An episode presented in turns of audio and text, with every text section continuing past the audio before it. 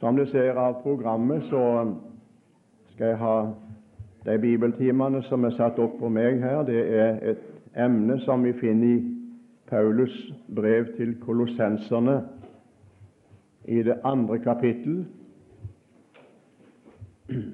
Og vi skal lese der de tre første vers. Kolossenserbrevets andre kapittel, vers 1-3. Må ta vers 1 også for sammenhengens skyld. For jeg vil at dere skal vite hvor stor strid jeg har for dere, for dem i Laudikea, og alle de andre som ikke selv har sett mitt ansikt, at deres hjerter må bli trøstet, så de kan knyttes sammen i kjærlighet og nå fram til hele rikdommen av den fullvisse innsikt, til kunnskap om Guds hemmelighet, som er Kristus.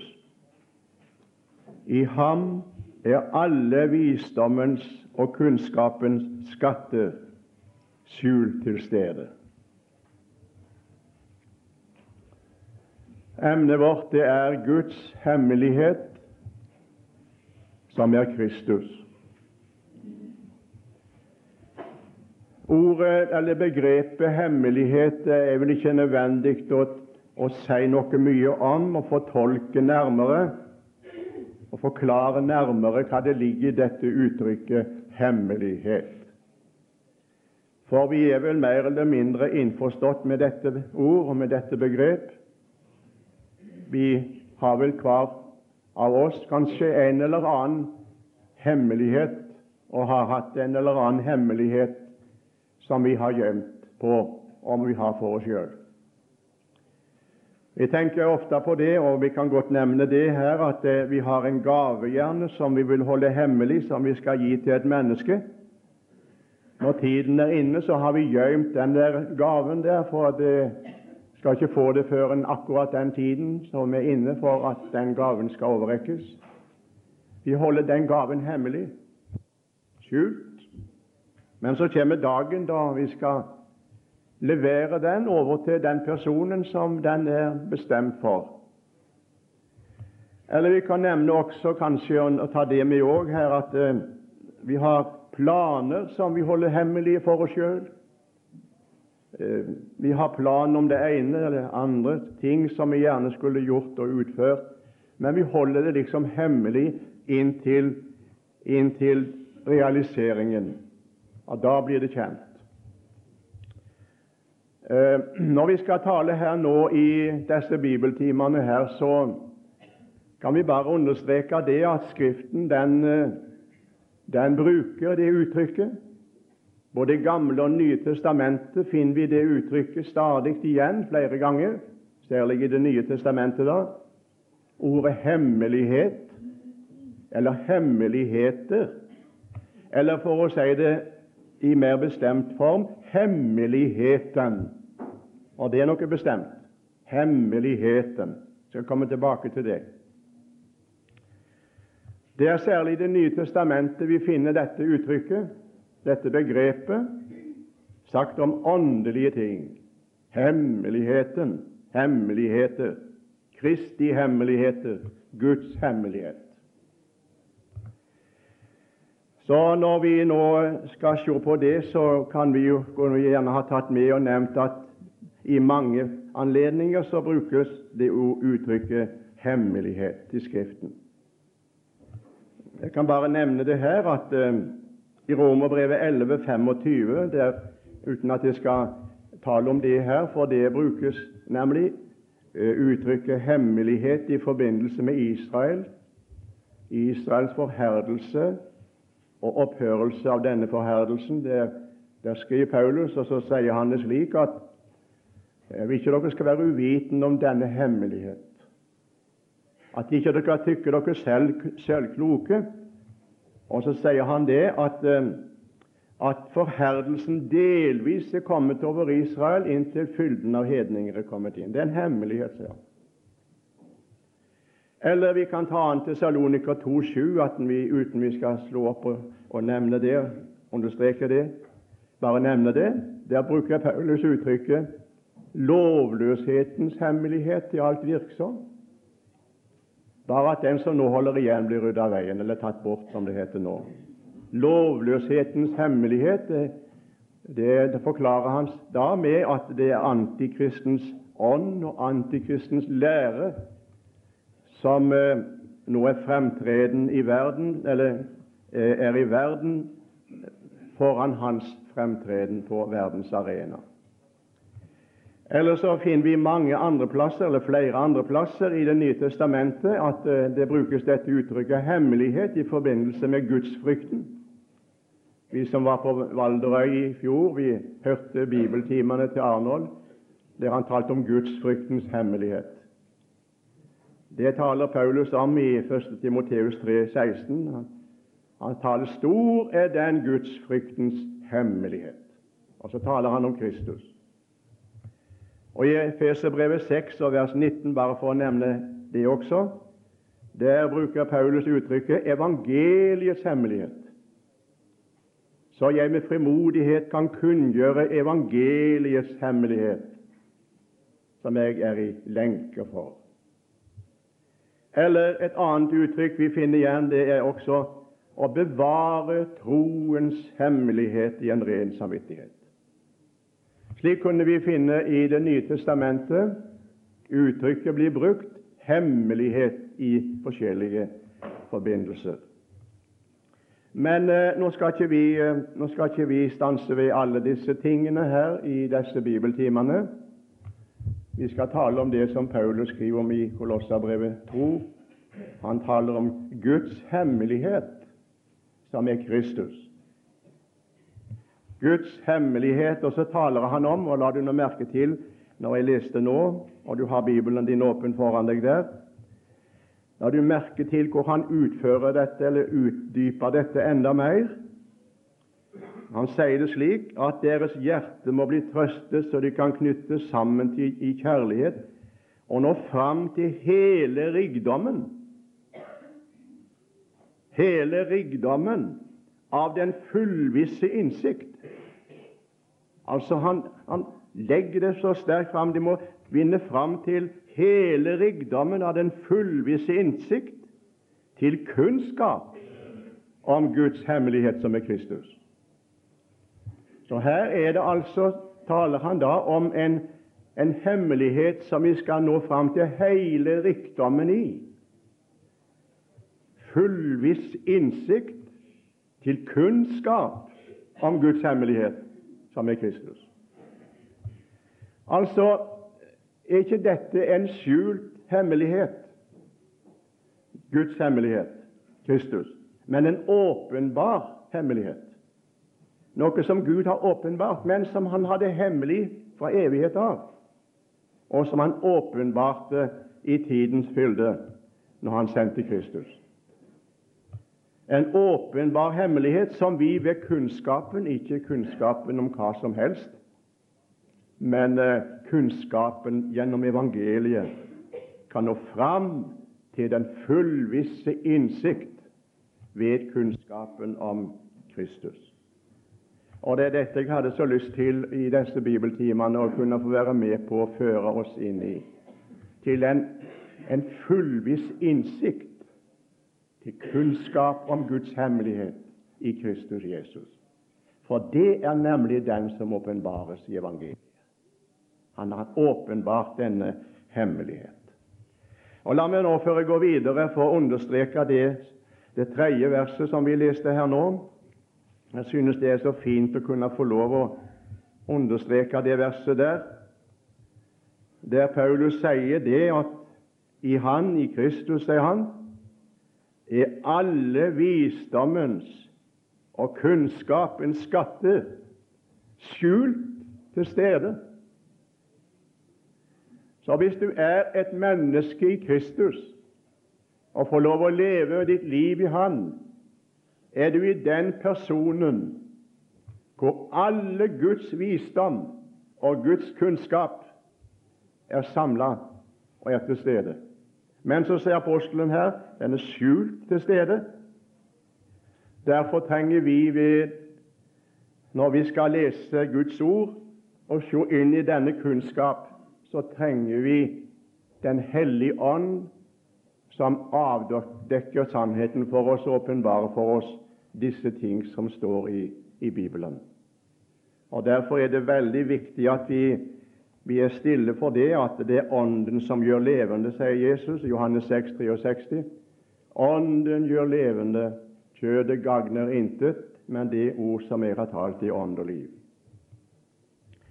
Så jeg hadde yngst det, og det har vært min bønn at jeg kunne få være med på disse, gjennom disse timene, og, og få være med og føre inn til noe av den innsikt som ligger i dette med Guds hemmelighet i Kristus Jesus.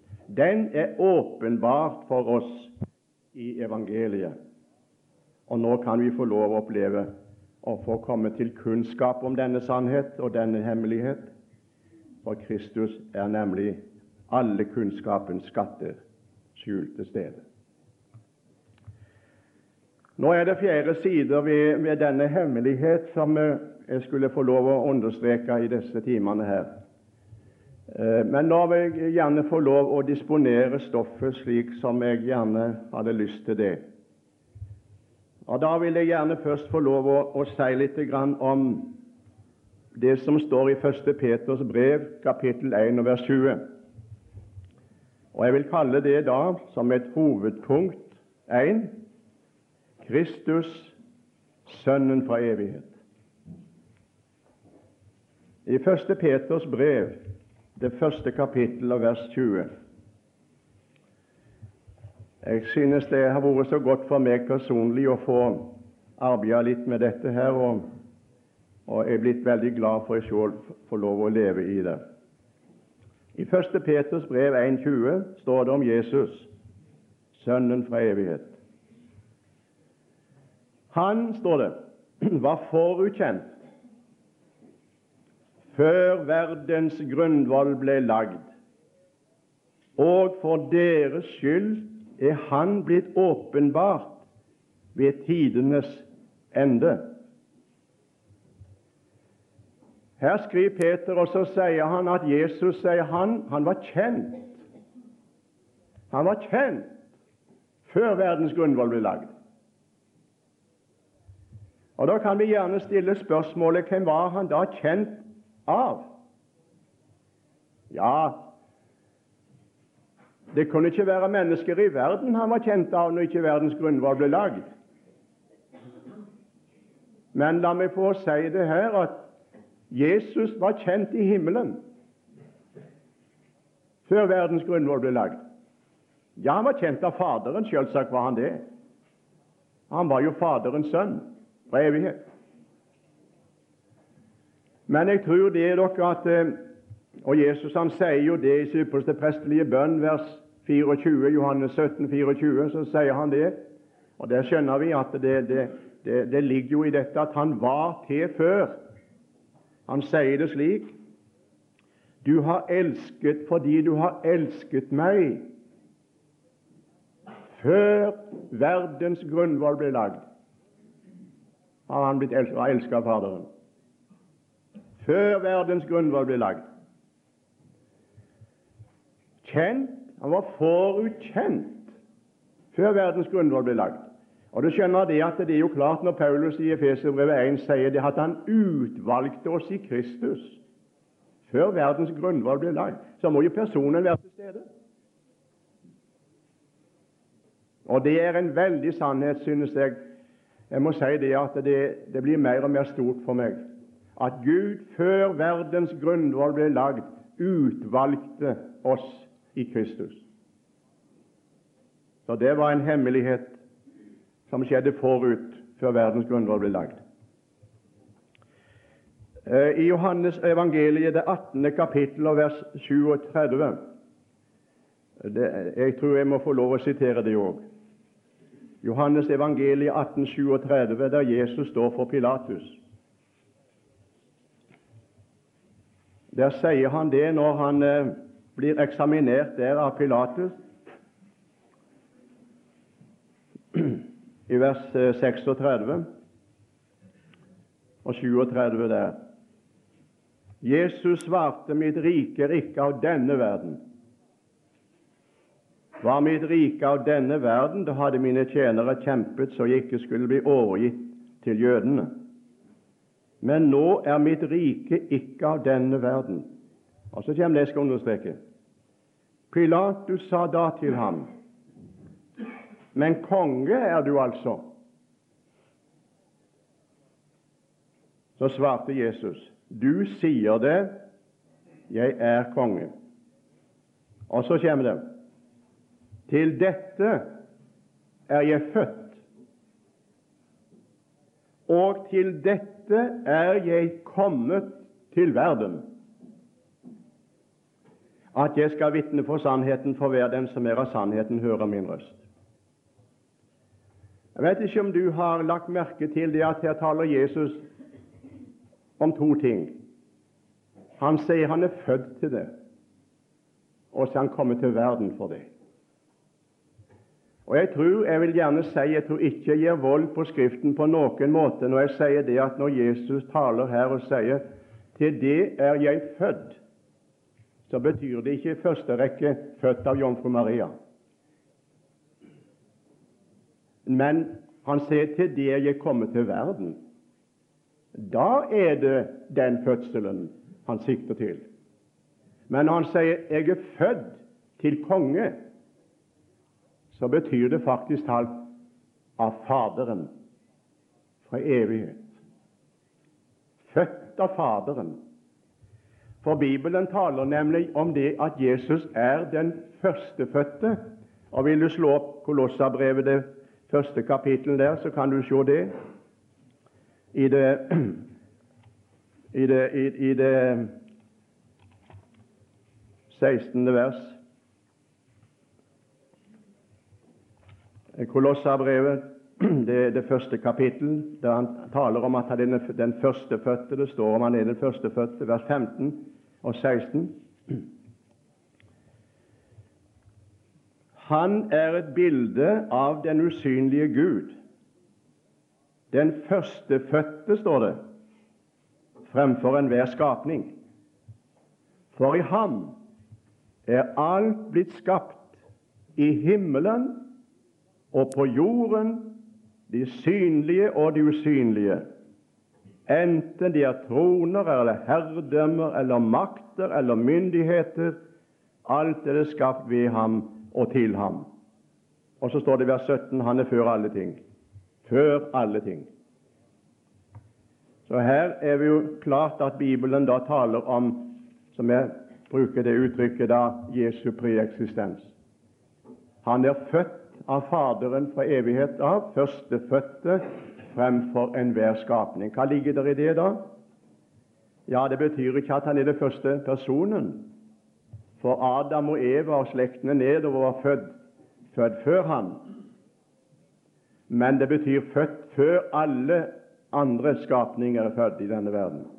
Er Kristus født av Faderen. Han er den førstefødte fremfor enhver skapning. Og Derfor var det slik han var kjent ifra før verdens grunnvoll ble lagd. Han var kjent i himmelen av englene. Han var kjent til og med av Satan, engleherrenes englefyrsten, den vonde englefyrste. Og Derfor er det underlig når Jesus kommer til vår jord, så sier han nå skal han, verdens fyrste, kastes ut. Og Derfor er det ikke underlig at eh, Satan gikk til angrep for å ødelegge og, til, og, og hindre Jesus i hans frelsesverk, fordi han visste hva det egentlig, hva det endelig ville bli. Han visste om planene. Han ante hva det måtte skje som ville skje. Og, og Derfor vil jeg bare si det her at han var forutkjent av himmelen han var forutkjent av Satan, han var forutkjent i den evige verden. Men så ble han åpenbart ved tidenes ende for vår skyld. Det andre jeg bare skal understreke her, for det synes jeg er veldig, veldig fint å kunne få gjøre, det er det i Første Mosebok, det tredje kapittel, og vers fem. Der bruker Gud et uttrykk, og det er det første uttrykket som faktisk talt avslører noe av hemmeligheten. Guds hemmelighet, Kristus. Han har han hos seg. Han elsker han. Han er hans førstefødte framfor enhver skapning. Men her er det liksom han tar litt sløret til sides for Adam og Eva. Han sier det nemlig til slangen, men de hører på. Vers 15 i Første Mosebok. Etter fallet var en kjensgjerning. Så sier han til slangen der Og jeg vil sette fiendskap mellom deg og kvinnen, mellom din ett og hennes ett. Og så står det i denne oversettelsen som jeg har nå her, 88 Han skal knuse ditt hode. I den eldre oversettelsen av 1930 der står det visst 'den'. Den skal knuse ditt hode. Men nå er det i denne nye oversettelsen blitt brukt 'han'. Og det er liksom det første gang at Gud tar sløret til side og sier det skal skje noe der framme. Men det er hemmelig ennå. Men tiden skal komme da Han skal knuse ditt hode og du skal knuse hans hæl. Her avsløres da litt, eller trekkes litt til sides. Jeg vet ikke om Adam og Eva forsto det. Det kan vel være vanskelig om de forsto hva det la i dette når, når, når, eh, når, Gud sa 'Han skal knuse slangens hode, du skal knuse dens hæl'. Jeg tror ikke Adam og Eva forsto det. Men merkelig er du, la du, legger du merke til, når Adam eh, og Eva satt med, med Kain på fanget. Så kan du lese der i, i, i Første Mosebok. Når, Adam, eh, når Eva satt med Kain på fanget, så sa hun eh, Jeg har fått en mann ved Herren. Skal tro om hun tenkte litt på Det står ikke 'jeg har fått en baby'. Det sa hun ikke. Hun sa heller ikke 'jeg har fått en gutt'. Jeg har fått en mann ved Herren. Og Det kan vel godt tenkes at eh, ja, i en eldre oversettelse står det visst Jeg har ikke sett etter det, men det skal stå slik i en eldre oversettelse 'Jeg har fått Herren'. Det kan godt være at, det, at Eva, når hun satt med Kain på fanget, at hun tenkte kan hende her er denne personen da som eh, Gud på fallets dag talte om skulle knuse slangens hode. Det kan vel tenkes. Professor Sigurd Odland han, eh, han sier det i, i, en av sine fortolkninger, som jeg har nå lest en del av. da. Han sier det slik da Eva satt med sin førstefødte på fanget, Kain, tenkte hun kan hende, mon dette er den som Gud, Herren, talte om på fallets dag. I paradishagen, som skulle knuse slangens hode, Satans hode, kan hende hun tenkte slik, sier Odland. Nei, sier han, så var det ikke han, heller ikke Abel eller noen av de andre sønner, men, sier Odland, men løftet fra Edens hage lå der og ventet på sin oppfyllelse. Dette løftet ble kjent for slektene som kom til siden, og ble kjent for alle inntil oppfyllelsen. Jeg skal ikke si noe mer om det der, men jeg må gjerne si det her at det er veldig når, når Gud der i, i Edens hage liksom tar sløret litt til side, så, så sier han, og sier det på min måte Jeg har en hemmelighet. Det er en hemmelighet. Kvinnens ett skal knuse slangens hode. Ante ikke hva det lå i det, Eva, Adam. Men Gud hadde planen klar. Men den var hemmelig inntil åpenbarelsen av Kristus. Og For det tredje, la meg bare få nevne litt om det også før jeg går videre, som en innledning. da, Sønnen for evighet. Det står noe i Bibelen om at eh, og Johannes evangeliet, det første kapittel og vers 10, står det, det at han var i verden. står det. Og verden er blitt til ved ham, og verden kjente ham ikke. Det er underlig å se det verset der, at at han var i verden, og verden er blitt til ved han, men verden kjente ham ikke. Det er underlig det er dere å se en, eh, en maler som har malt et svært maleri, kunstmaler, og så kjenner han ikke kunstmaleren, men en kjenner kunstmaleren etter hans kunstverk. Jeg har ikke sett Tidemann og Gude, kunstmalerne. Jeg har ikke sett noen av disse. De har gått inn i evigheten før meg, min tid. Men jeg kan kjenne dem av maleriene deres, av kunstverket deres.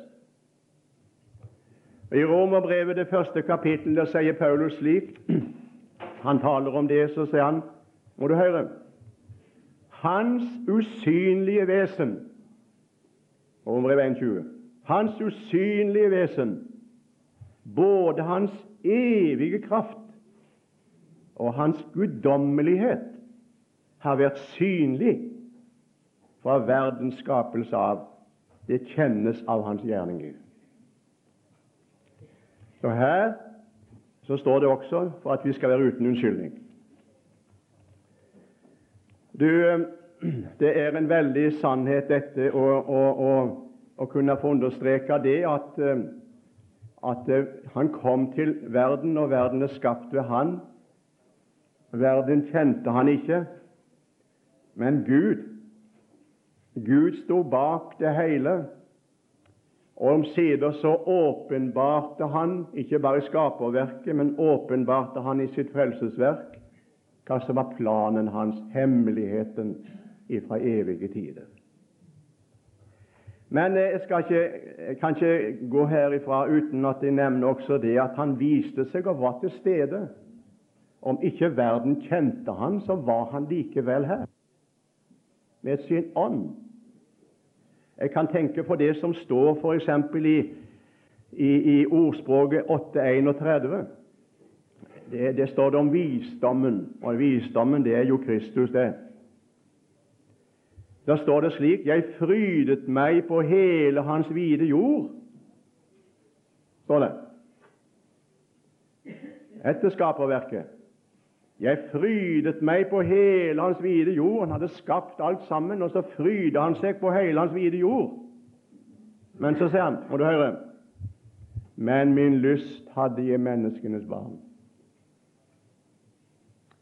Siden, venner, har det vært Kristus sin lyst hele veien lyst til menneskenes barn. Som visdommen ville han gjerne komme inn i hvert eneste menneskes liv, så det ble vist til frelse. Han er visdommen og kunnskapens skatte. Han har sin lyst i oss. Han vil gjerne inn i våre liv med sin fylde av visdom og kunnskap. Og Jeg tenker på Daniel, Daniels bok, kapittel 3 og 25, bare for å nevne dette her innledningsvis. Jeg skal ikke tale så mye mer om det nå. Men det står det her i eh, Daniel at da Sadak, Mesak og Abenego var i ildovnen, og kongen han eh, var så i nød etterpå at han hadde kasta disse tre i ildovnen, og så sier han ja, men det går jo fire der nede. Hvem var den fjerde, da? Jeg ser Var ikke det tre vi kasta i ildovnen? Men det går jo fire menn der nede. Og den fjerde, han ser ut som en gudesønn. Hvem var det, da? Ja, det var Kristus, det, som var iblant sine, også før inkarnasjonen.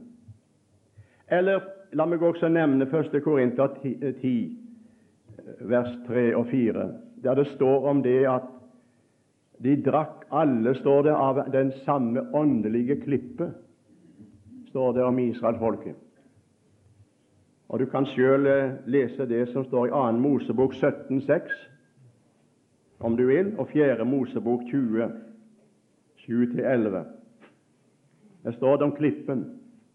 Første gangen i 2. Mosebok 17,6 så skulle han slå tre ganger på klippen, og så kom vannet. Nå er jeg ute i ørkenen. I 4. Mosebok 20 skulle han ikke slå på klippen, han skulle tale til den. Men så slo han på den likevel. Og så var det imot Guds vilje, plan. Tenk ikke Moses kom inn i Kanaan.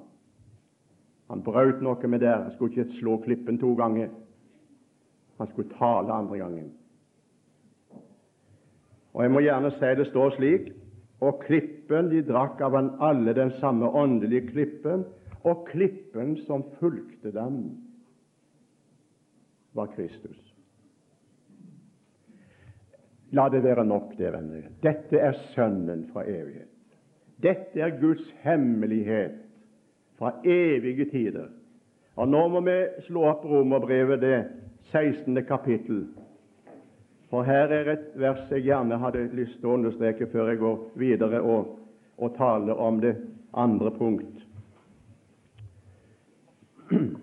Eh, Romerbrevet, det 16. kapittel, vers 25 og 26.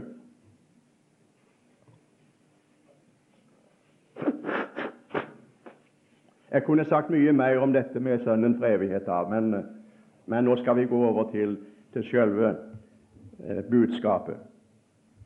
Åpenbarelsen av denne hemmelighet som var skjult. Men Han, står det i vers 25, som er mektig til å styrke dere etter mitt evangelium og forkynnelsen av Jesus Kristus etter åpenbaringen av den hemmelighet som har vært tiet om i evige tider. Tiet om i evige tider. Men Og da vil jeg si prise Gud. Men som nå er kommet for lyset. Og etter den evige Guds befaling ved profetiske skrifter er blitt kunngjort for alle folk for å virke troens lydighet. Altså Her er det nå blitt en åpenbarelse av den hemmelighet som har vært tiet om ifra evige tider. Så nå er det ikke hemmelig lenger. Det er åpenbart ved Guds befaling gjennom profeter og gjennom hellige skrifter for å bli kunngjort for alle folk og virke troens lydighet. Jeg har sagt det mange ganger at evangeliet det er en gave. Det er en gave av nåde. Og hele frelsen, venner, fra ende til annen er en gave av nåde. En frelse av nåde. Men skal vi bruke uttrykket 'evangeliet har ett', vi kan ikke kalle det for krav, vi får si den har den betingelsen at den må troes.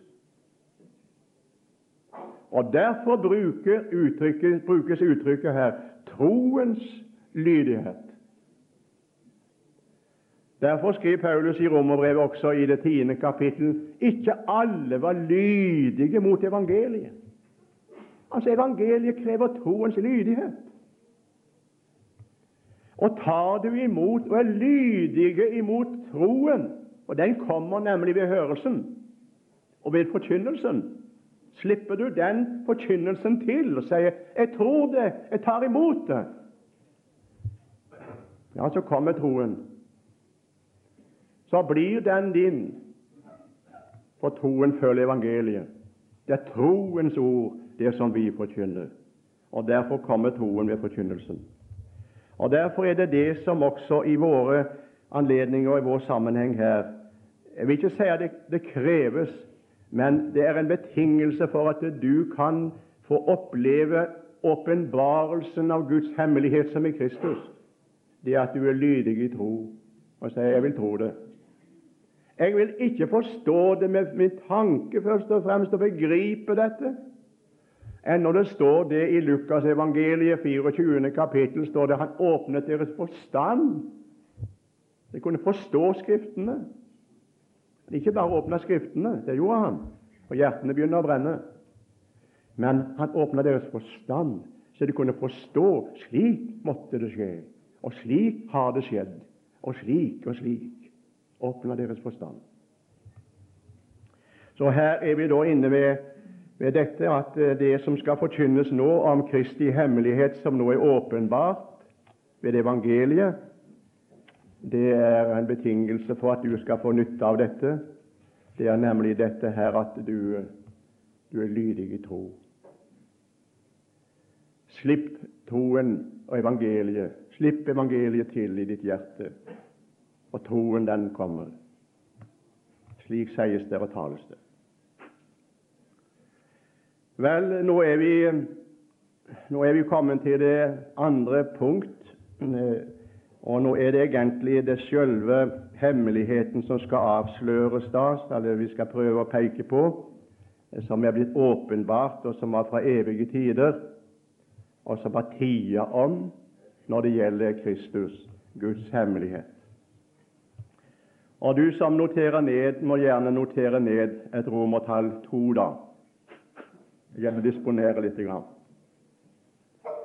Og Da vil jeg lese fra Efeserbrevet det første kapittel, vers 3-5,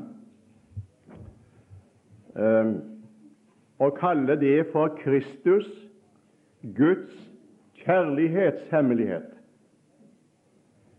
Altså, Gud hadde en kjærlighet i sitt hjerte fra evighet av, og nå er den åpenbart ved Jesu Kristi åpenbarelse. Jeg vil lese fra Efeserbrevets første kapittel. Jeg synes det er så fint å lese Feserbrevet her. Vers 3 til 5. Lovet være Gud, vår Herre Jesu Kristi Far, Han som har velsignet oss med all åndelig velsignelse i himmelen i Kristus. For i Han har Han utvalgt oss før verdens grunnvoll ble lagd. Og tenk, dette var før verdens grunnvoll ble lagd. For det var hemmelig! Det var hemmelig! ante ingenting i menneskene, for de var ikke født, og verden var ikke skapt. Men Gud hadde planen klar for en fallen menneskeslekt. For at vi Og dette hadde han i tanke. For at vi skulle være Tenk, han tenkte slik i sitt hjerte. Det skulle vi være når vi ble født og kom til verden. Vi skulle være hellige og ulastelige for Hans åsyn. Det visste Gud om at det ville det aldri mennesket bli. Han så og visste om syndefall og alt som kom til å skje. Du kan være sikker, det kom ikke på han som julaften på kona. Han visste om alt. Og så ordna han det i Kristus Jesus, utvalgte oss for at vi skulle være hellige og ulastelige hver eneste måten han kunne bli det på. Og så skal du høre I det han i kjærlighet Nå siterer jeg slik som det sto før i den gamle oversettelsen. Det han i kjærlighet Når gjorde han det? Når begynte han å elske? I det han i kjærlighet forut bestemte oss til å få barnekår etter sin ved Jesus Kristus etter sin viljes frie råd. Ja, jeg må bare få si det her at det er jo aldeles ufattelig, altså, at Gud elska før verdens grunnvoll ble lagd. At Gud utvalgte oss i Kristus før verdens grunnlov ble lagd og sa de skal bli hellige, det skal være ustraffelig for mye åsyn, for jeg elsker den slekt som enda ikke er født. Jeg elsker disse mennesker som skal komme til denne verden. når jeg skaper mennesker, og menneskeslekten skal fylle jorden. Jeg elsker dem. Ja, det står faktisk talt at Gud elska før verdens grunnvoll ble lagd. Og Nå må vi slå opp noe som står i 1. Johannes brev, kapittel 4, vers 8.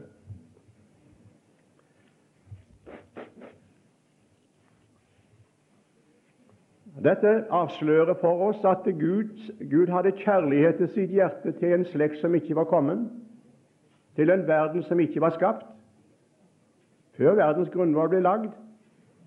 Hva står det her nå, da? 1. Johannes brev 4, 8. Nei, vers 9.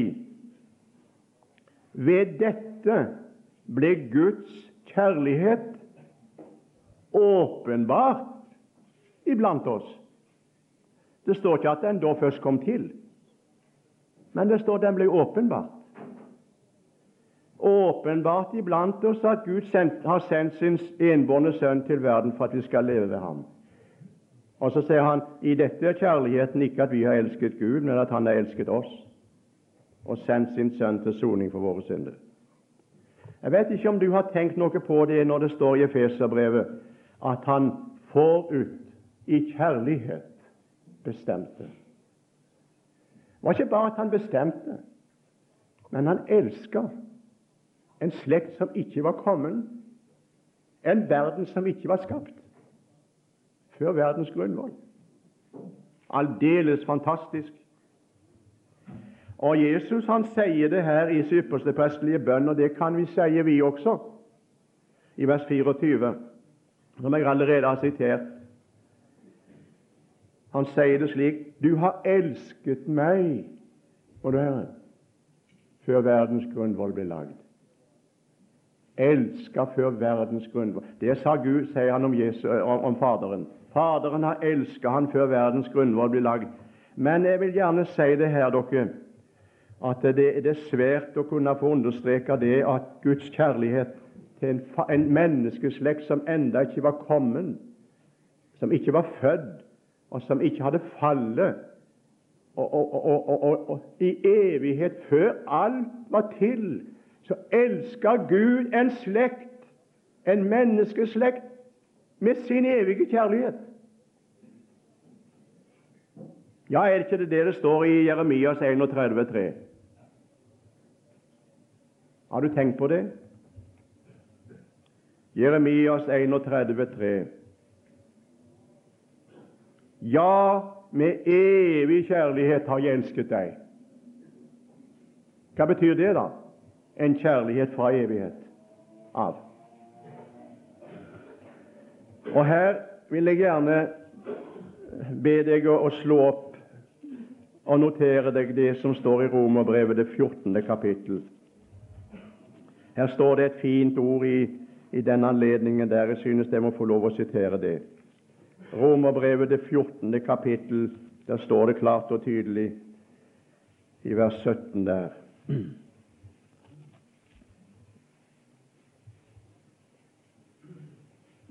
Rom, Romerbrevet, det fjerde kapittel, forlatelse, det fjerde kapittel, vers 17, ikke det 14.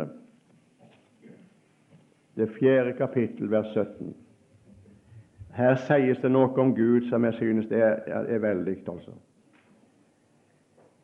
Til far for mange folkeslag, sa han om Abraham, til far for mange folkeslag har jeg satt deg. Han er vår far i Guds øyne, den Gud som han trodde på. Og så skal du høre han sier Han som gjør de døde levende og kaller på det som ikke er til, som om det var til. Han som kaller på det, eller som det heter i en eldre oversettelse, nevner det som ikke er til, som om det var til. Og Vil du få enda et bibelord, så tar du Romerbrevet det niende kapittel. Romerbrevet det niende kapittel. Jeg synes det er mange slike ord. Jeg hadde lyst til å, å, å peke på noen av dem. Altså, Gud kaller på eller nevner Personer som ikke er til som om de var til. Og når han elsker før verdens grunnlov ble lagt, så er det klart han elsker personer som ikke var til. Men han elsker dem som om de var til. Og Derfor er det en veldig sak, dere. Tenk at jeg elsker Faderen. La meg få repetere det ganske enkelt. Elsker Faderen i Sønnen fra evige tider. Han hadde sitt hjerte i menneskeslekt som ikke ennå var født, og som ikke var, var skapt i denne verden. Verdens grunnvoll var ikke lagd, menneskeslekten var ikke kommet. Men hemmeligheten, Guds kjærlighetshemmelighet i Sønnen og ved Sønnen, den var til stede. Og så får vi lov til å se den og oppleve den. Og Jesus han sier det så klart og tydelig til Nikodemus i den uh, nattetimen han satt sammen med han, Johannes 3, 16, vet du. Så La nå merke til hva det står. Jeg må si Det er veldig viktig at vi tar med oss enkelte ord. For det står ikke 'så elsker Gud verden'. Det står ikke 'så elsker'. Det gjør han òg. Men det står 'så har Gud elsket verden', at han gav sin sønn, den enbårne. Guds kjærlighet er åpenbart, den er ikke hemmelig lenger. Og Derfor kan det stå som det står i Romerbrevet, det niende kapittel. Gud viser sin kjærlighet mot oss derved, sier Paulus der i vers 5, er det vel 6.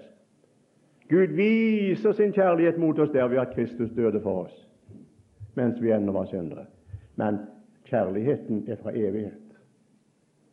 Den kan ikke forandres. Den er evig gyldig.